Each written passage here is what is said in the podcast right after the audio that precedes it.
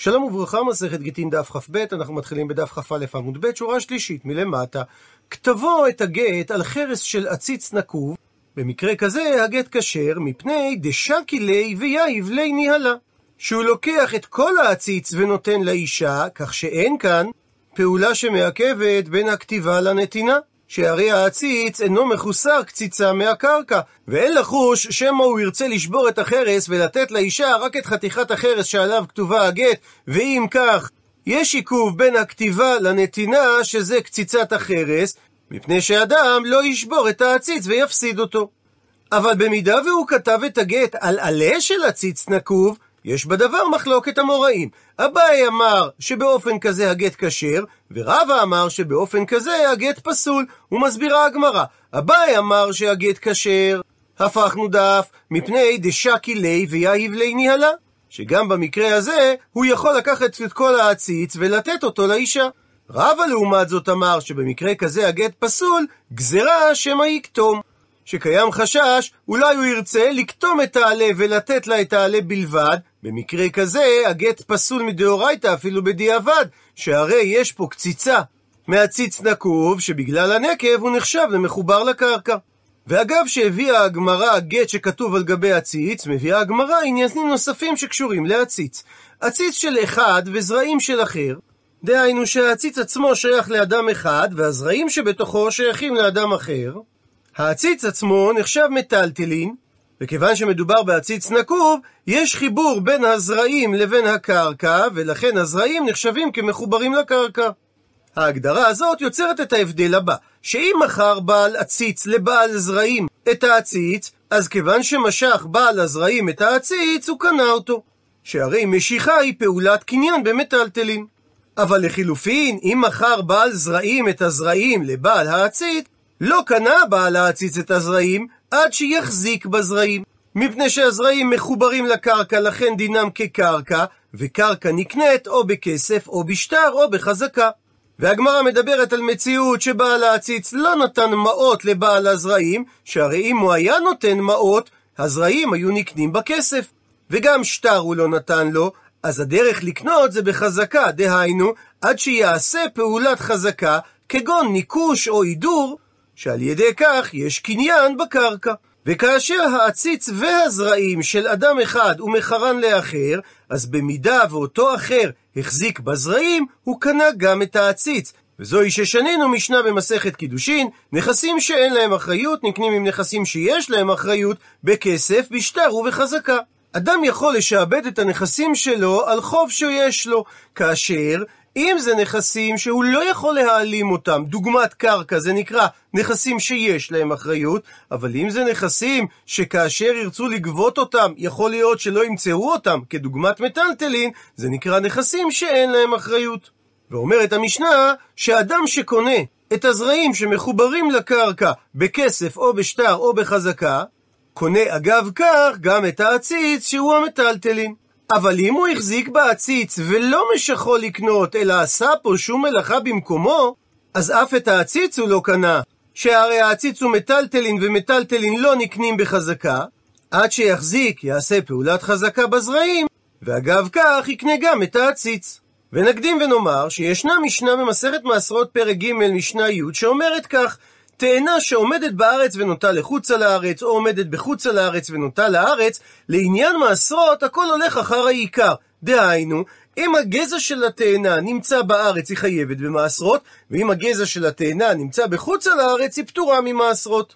ומביאה הגמרא מחלוקת המוראים בעניין עציץ נקוב, כאשר נקבו של העציץ נמצא בארץ ונופו, דהיינו העלים שלו נמצאים בחוצה לארץ, שאביי אמר בתר נקבו אז לינן, שהולכים אחרי מיקום הנקב לעניין חיוב במעשרות, שהרי ממקום הנקב הוא יונק, ולכן, כאשר נקבו נמצא בארץ ישראל, העציץ חייב במעשר. רבא לעומת זאת אמר, בתר נופו אז לינן, שהולכים אחר נופו של הצמח לעניין מעשרות, ולכן הוא יהיה פטור מן המעשר מדאורייתא, שהרי נופו נמצא בחוצה לארץ. וממקדת הגמרא את גבולות המחלוקת. כאשר מדובר בדאשרוש, ששורשי הצמח יצאו מחוץ לנקב בתוך קרקע ארץ ישראל, כולי עלמא לא פליגי. אין מחלוקת בין אביי ורבא, שהואיל ומחובר הצמח ממש בארץ, אז לא הולכים אחרי הנוף אפילו לשיטתו של רבא. כי פליגי, מתי הם נחלקו? בדלא אשרוש. כך שלפי אביי הולכים אחרי מיקום הנקב שנמצא בארץ ישראל, ולפי רבא הולכים אחרי המיקום הנוף שנמצא בחוץ על הארץ. מקשה הגמרא, ובדאשרוש לא פליגי? האם אין מי שאומר שבמידה והצמח השריש דרך הנקב, כך שהשורשים מחוברים לקרקע ארץ ישראל, שהולכים אחרי הנוף? ולמרות שיש חיבור של שורשים לארץ ישראל, הצמח יהיה פטור מתרומות ומעשרות מדאורייתא, שהרי נופו נמצא בחוץ על הארץ. והאתנן, שכך שנינו במשנה במסכת בבא מציע, שתי גינות שנמצאות זו על גב זו, דהיינו, שקרקעית האחת גבוהה מחברתה, והגידור שלה זקוף, מה שנקרא טרסה, והירק גדל בינתיים, מתוך הטרסה של החצר הגבוהה. כך שמדובר שהירק נשרש בקרקע של העליון, ונופו של הצמח נמצא באווירו של התחתון. רבי מאיר אומר שבמקרה כזה הירק של העליון, ורבי יהודה אומר שבמקרה כזה הירק של התחתון. שלפי רבי מאיר הולכים אחרי מיקום השורשים והם נמצאים בגינה של העליון, ולפי רבי יהודה הולכים אחרי מיקום הנוף והוא נמצא באווירו של התחתון. ומדוע אמרה הגמרא שבמקרה שהצמח השריש דרך הנקב, אין מי שסובר שהולכים אחרי נוף הצמח, והלא רבי יהודה אומר שלמרות ששורשי הירק מחוברים לגינה של העליון, הולכים אחרי נופו של הצמח ולכן הוא שייך לבעל הגינה התחתון. מתרצת הגמרא, הטעם, שם במשנה בבבא מציע כדקתני טעמה, כפי שמפרשת המשנה בעצמה בהמשך, שאמר רבי מאיר, מה אם ירצה עליון ליטול את עפרו, הרי אין כאן ירק. שאם יפנה העליון את הקרקע מגינתו וישווה אותה לגובה הגינה התחתונה, ימות הצמח, מה שאומר שבעל הגינה העליון הוא המאפשר לצמח לגדול. אמר לו רבי יהודה בתשובה, מה אם ירצה התחתון למלות את גינתו עפר? אז במקרה כזה גם אין כאן ירק. וזו הסיבה לדעת רבי יהודה שבעל הגינה התחתון זוכה בירק, ולא בגלל מיקום הנוף. כך שמחלוקתם של רבי יהודה ורבי מאיר היא לעניין הבעלות על הצמח. אבל לעניין חיוב תרומות ומעשרות, גם רבי יהודה מודה שאם הצמח השריש והוא מחובר ממש בארץ, יש חיוב תרומות ומעשרות מדאורייתא על הצמח. ממשיכה הגמרא ומקשה, והקתי, ועדיין, האם אתה טוען שבדאשרוש לא פליגי? שאין מי שסובר שכאשר יצאו השורשים מחוץ לנקב, בכל זאת הולכים אחר הנוף של הצמח? והתניא, והרי שנינו בברייתא במסכת בבא בתרא, אילן שמקצתו בארץ ומקצתו בחוץ על הארץ, שחלק מהעץ נמצא בחוץ על הארץ וחלק מהעץ נמצא בתוך הארץ, אז אין לך פרי באילן הזה שאין תבל וחולין מעורבים זה בזה. שכל פרי יונק מקצתו מן הארץ והוא תבל, ויונק מקצתו מחוץ על הארץ והוא חולין. והנפקא מינה בעניין, שאין מעשרין מתבל ודאי על פירות העץ הזה, כי אז אתה מפריש מהחיוב על הפטור.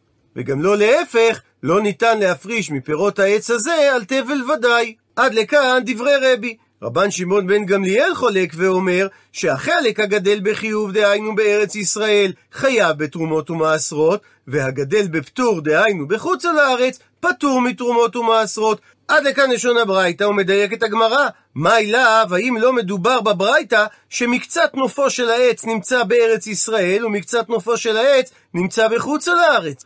ואף על פי שכל שורשיו של העץ נמצאים או בארץ או בחוץ על הארץ, גם רבי וגם רשב"ג מושפעים ממיקום נופו של העץ לעניין חיוב תרומות ומעשרות, מה שאומר שגם כאשר יש שורשים בארץ הולכים אחרי מיקום הנוף.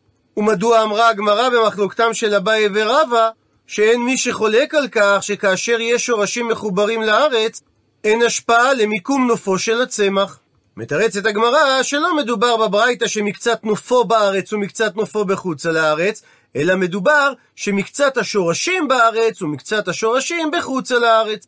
ואמר רבי יהודה שבמקרה כזה תבל וחולין מעורבים זה בזה, לפי שהיניקה מתערבת, כך שהפירות יונקים גם מהארץ וגם מחוץ על הארץ.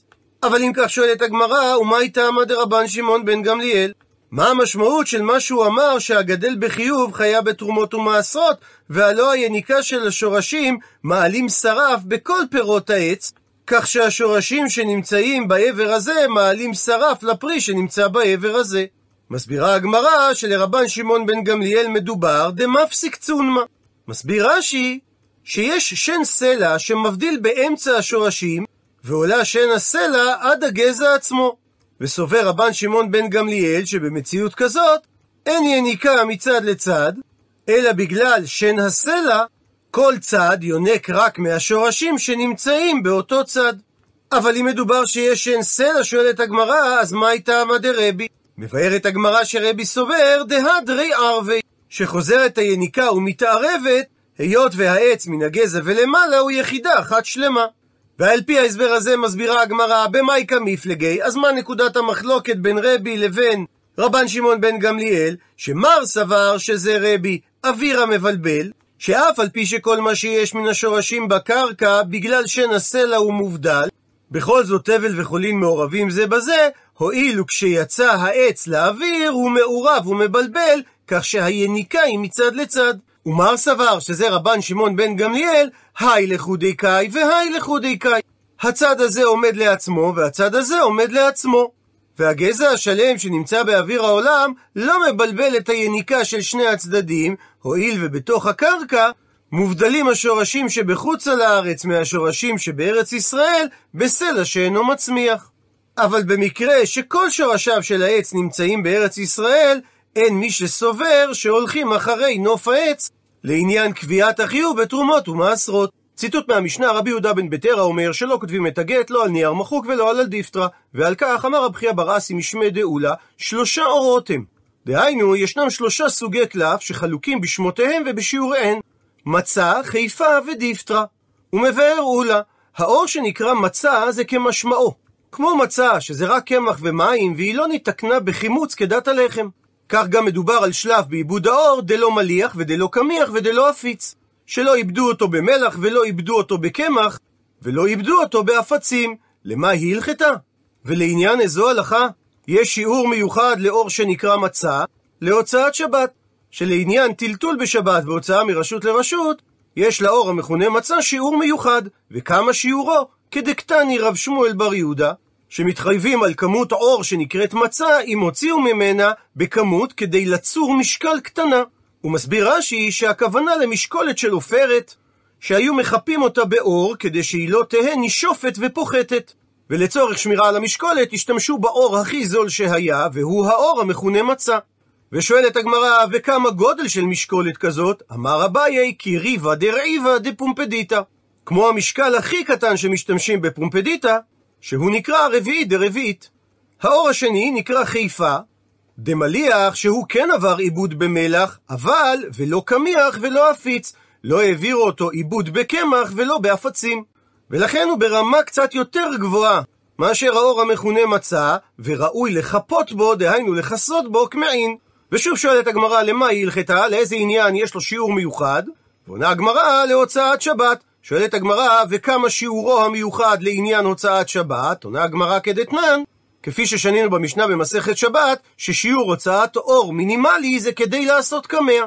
וסוג האור השלישי נקרא דיפטרה, והוא אור ברמת עיבוד גבוהה יותר, דמליח וקמיח, שכבר עבר עיבוד במלח ועיבוד בקמח, ולא עפיץ, אבל הוא לא עבר עיבוד בעפיצים.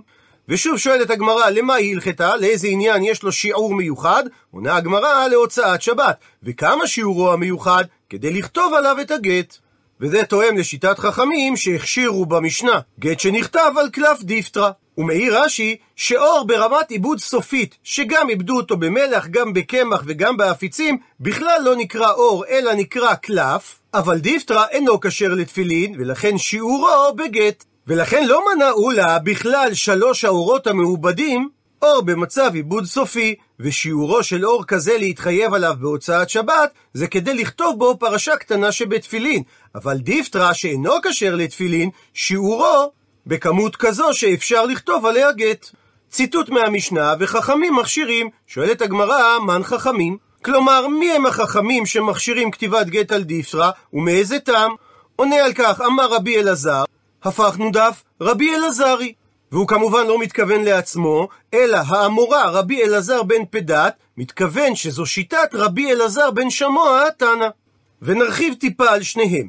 רבי אלעזר בן פדת היה המורה בדור השני, במחצית השנייה של המאה השלישית לספירה, הוא מכונה רבי אלעזר סתם בתלמוד. הוא עלה לארץ ישראל מבבל וזכה לרשת את כיסאו של רבי יוחנן ולהיות ראש ישיבת טבריה.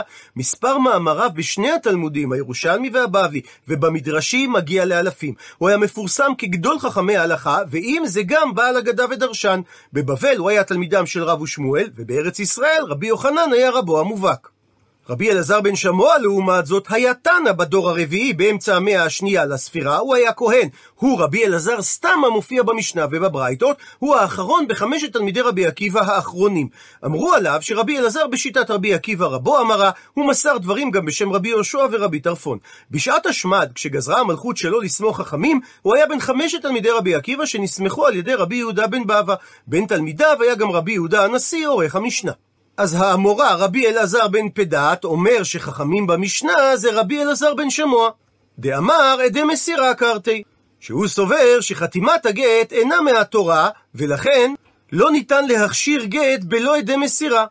כי עדי המסירה הם אלה שיוצרים את הכרתות במסירת הגט על ידי הבעל לאישה, ועל כורכך צריך שיהיו עדים בנתינת הגט, שהרי הגמרא בדף צדיק תלמד בגזרה שווה, שגם בערווה מופיעה המילה דבר, וגם בבמון מופיעה המילה דבר. וכמו שבממון צריך שני עדים, גם בדבר שבערווה, למשל גיטין, צריך שני עדים, ולכן אין חשש לשיטת רבי אלעזר שהגט שלפנינו מזויף, שהרי צריכים לקרוא את הגט בשעת נתינתו, ואם היה שם לדוגמה תנאי, היו עדי המסירה יודעים מהתנאי הזה.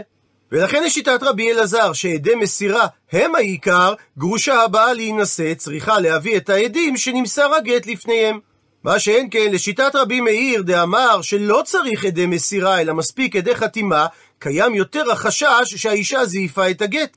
שהרי לשיטתו שהוא סומך על ידי החתימה, אישה גרושה הבאה להינשא והיא מציגה גט לבית הדין, היא לא מביאה לפנינו את העדים החתומים על הגט, במידה ויש עדים אחרים שמכירים בחתימתן. ואז קיים חשש שאם היה איזשהו תנאי בגט, ייתכן והאישה זייפה את הגט, מחקה את התנאי, ואין מי שיודע על כך. וממשיכה הגמרא, ואמר רבי אלעזר בן פדת האמורה, שלא הכשיר רבי אלעזר בן שמוע התנא, גט שנכתב על גבי דיפטרה או נייר מחוק, אלא במידה שהביאה האישה את הגט לבית הדין לאלתר, דהיינו באותו יום שהוא נמסר לה, כדי להודיע שהיא גרושה ויתירו הבית הדין להינשא, שכיוון שהגירושים קרו באותו יום ובעדי מסירה, אנחנו לא חוששים לזיופה.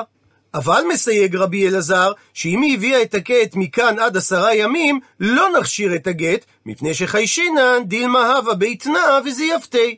אולי כתב הבעל תנאי בגט, והאישה מחקה את התנאי וממילא זייפה את הגט, ואם זה לא באותו יום, אז כבר שכחו עדי המסירה מהתנאי.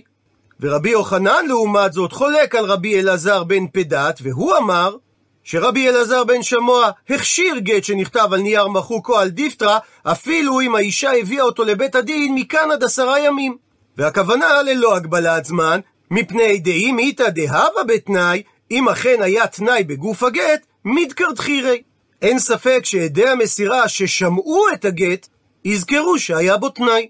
ואמר רבי אלעזר בן פדת האמורה, הגבלה נוספת בדברי רבי אלעזר בן שמוע התנא, שלא הכשיר רבי אלעזר בן שמוע אלא בגיטין, שכל מטרתן זה להתיר את האישה שהיא תוכל להתחתן, לכן יכולה להביא לבית הדין גט שנכתב על נייר מחוק או על דיפטרה, ויתירו על ידי עדי המסירה, שהרי שוב היא אינה צריכה לגט, שכיוון שהותרה בבית הדין, יש זיכרון וכל הדבר, זה מפורסם, והיא מוגדרת בציבור כפנויה. אבל בשאר שטרות, שאדם צריך לשמור אותם כדי שהוא יוכל לגבות את הכתוב בשטר, לא הכשיר רבי אלעזר במידה והם נכתבו על נייר מחוק או על דיפטרה, מפני שאולי האוחז בשטר לא יוציא אותו לגבייה עד זמן ארוך וישכחו עדי המסירה את הדבר. ואם כך יצא שאנחנו סומכים על ידי החתימה, ויש חשש שהאוחז בשטר זייף את הכתב העליון, ואת חותם העדים הוא השאיר עומד במקומו. והמקור לכך, דכתיב, פסוק בירמיהו נקרא בפנים, כה אמר אדוני צבאות אלוהי ישראל, לקוח את הספרים האלה, את ספר המקנה הזה, ואת החתום, ואת ספר הגלוי הזה, ונתתם בכלי חרס, למען יעמדו ימים רבים. זאת אומרת שחלק מההגדרה של שטרי מכר שעליהם דיבר הפסוק בירמיה, שהם צריכים להיות כתובים על דבר הראוי לעמוד ולהתקיים ימים רבים. רבי יוחנן לעומת זאת אמר שרבי אלעזר בן שמוע הכשיר לאחר זמן אפילו בשטרות רגילים שנכתבו על גבי נייר מחוק ודיפטרה. ומקשה על כך הגמרא והכתיב, הרי כתוב בירמיה שחלק מההגדרה של שטרי מכר זה למען יעמדו ימים רבים, באופן כזה שלא יהיה חשש לזיוף. ואיך זה מסתדר עם דברי רבי יוחנן? עונה הגמרא שרבי יוחנן יסביר, הטעם, שם בפסוק בירמיה, עצה טובה כמה שמלן. הפסוק בירמיה לא נותן הנחיה הלכתית שחייבים לכתוב גט באופן כזה, אלא תמיד אפשר לסמוך על ידי המסירה גם לאחר זמן. רק שבא הפסוק לומר, תשמע עצה טובה ממני, אם לא תמצא את ידי המסירה, כדאי שהשטר יהיה כתוב בצורה כזו, שתוכל להסתמך על ידי החתימה. עד לכאן דף כ"ב, למעוניינים בהרחבה, הזכירה הגמרא את דברי אולה, שאור ברמת עיבוד שנקרא חיפה, שיעור ההוצאה שלו שמתחייבים עליו בשבת זה כדי לעשות קמע. וזו הזדמנות להזכיר את רבי יונתן אייבישיץ, שהיה רב מקובל, ראש ישיבה ודרשן, מגדולי פוסקי ההלכה ביהדות אשכנז בזמנו, ומחברם של ספרי הלכה שהמפורסם שבהם הוא הכרתי והפלטי. לצד עיסוקו בחלק הנגלה של התורה שהקנה לו את עיקר פרסומו, הוא עשה גם בתורת הנסתר ואף כתב קמעות. עיסוקו זה קומם נגדו את היבץ, הלא הוא רבי יעקב עמדין, שמצא רמזים שבתאיים בכתביו של רבי יונתן אייבישיץ, ופתח בפולמוס להחרמתו. הרב אייבישיץ זכה לגיבוי מאת רוב רבני דורו, והפולמוס דעך אם כי לא נעלם לגמרי. הרב מימון בספר שרי המאה מביא סיפור שההגמון של העיר מצ גזר גירוש על יהודי העיר מצ. רבי יהונתן שהיה מקורב אליו אמר לו, דע לך שעם ישראל חי לעולמי עד ולא תוכל להם על ידי גזרותיך.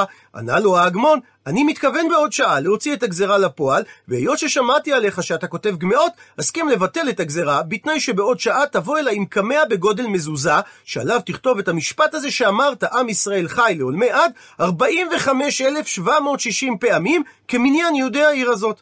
רבי יונתן אייבישיץ שב כעבור שעה עם טבלה שעליה כתובה האות עין באמצעה, ומשם מקיפות אותה האותיות של המשפט, והוא אמר להגמון שאם הוא יקרא מן העין שבאמצע לכל צד, הוא יוכל לראות את המשפט הזה בדיוק 45,760 פעמים. אך היות והבדיקה בוודאי תארך זמן רב, יצטרך ההגמון לעכב את גזירת הגירוש, ואכן כך היה. על פי המסופר, בדק ההגמון את הקמע במשך שנה שלמה, עד שגילה שרבי יונתן צדק, והתפעל מאוד מחוכמתו.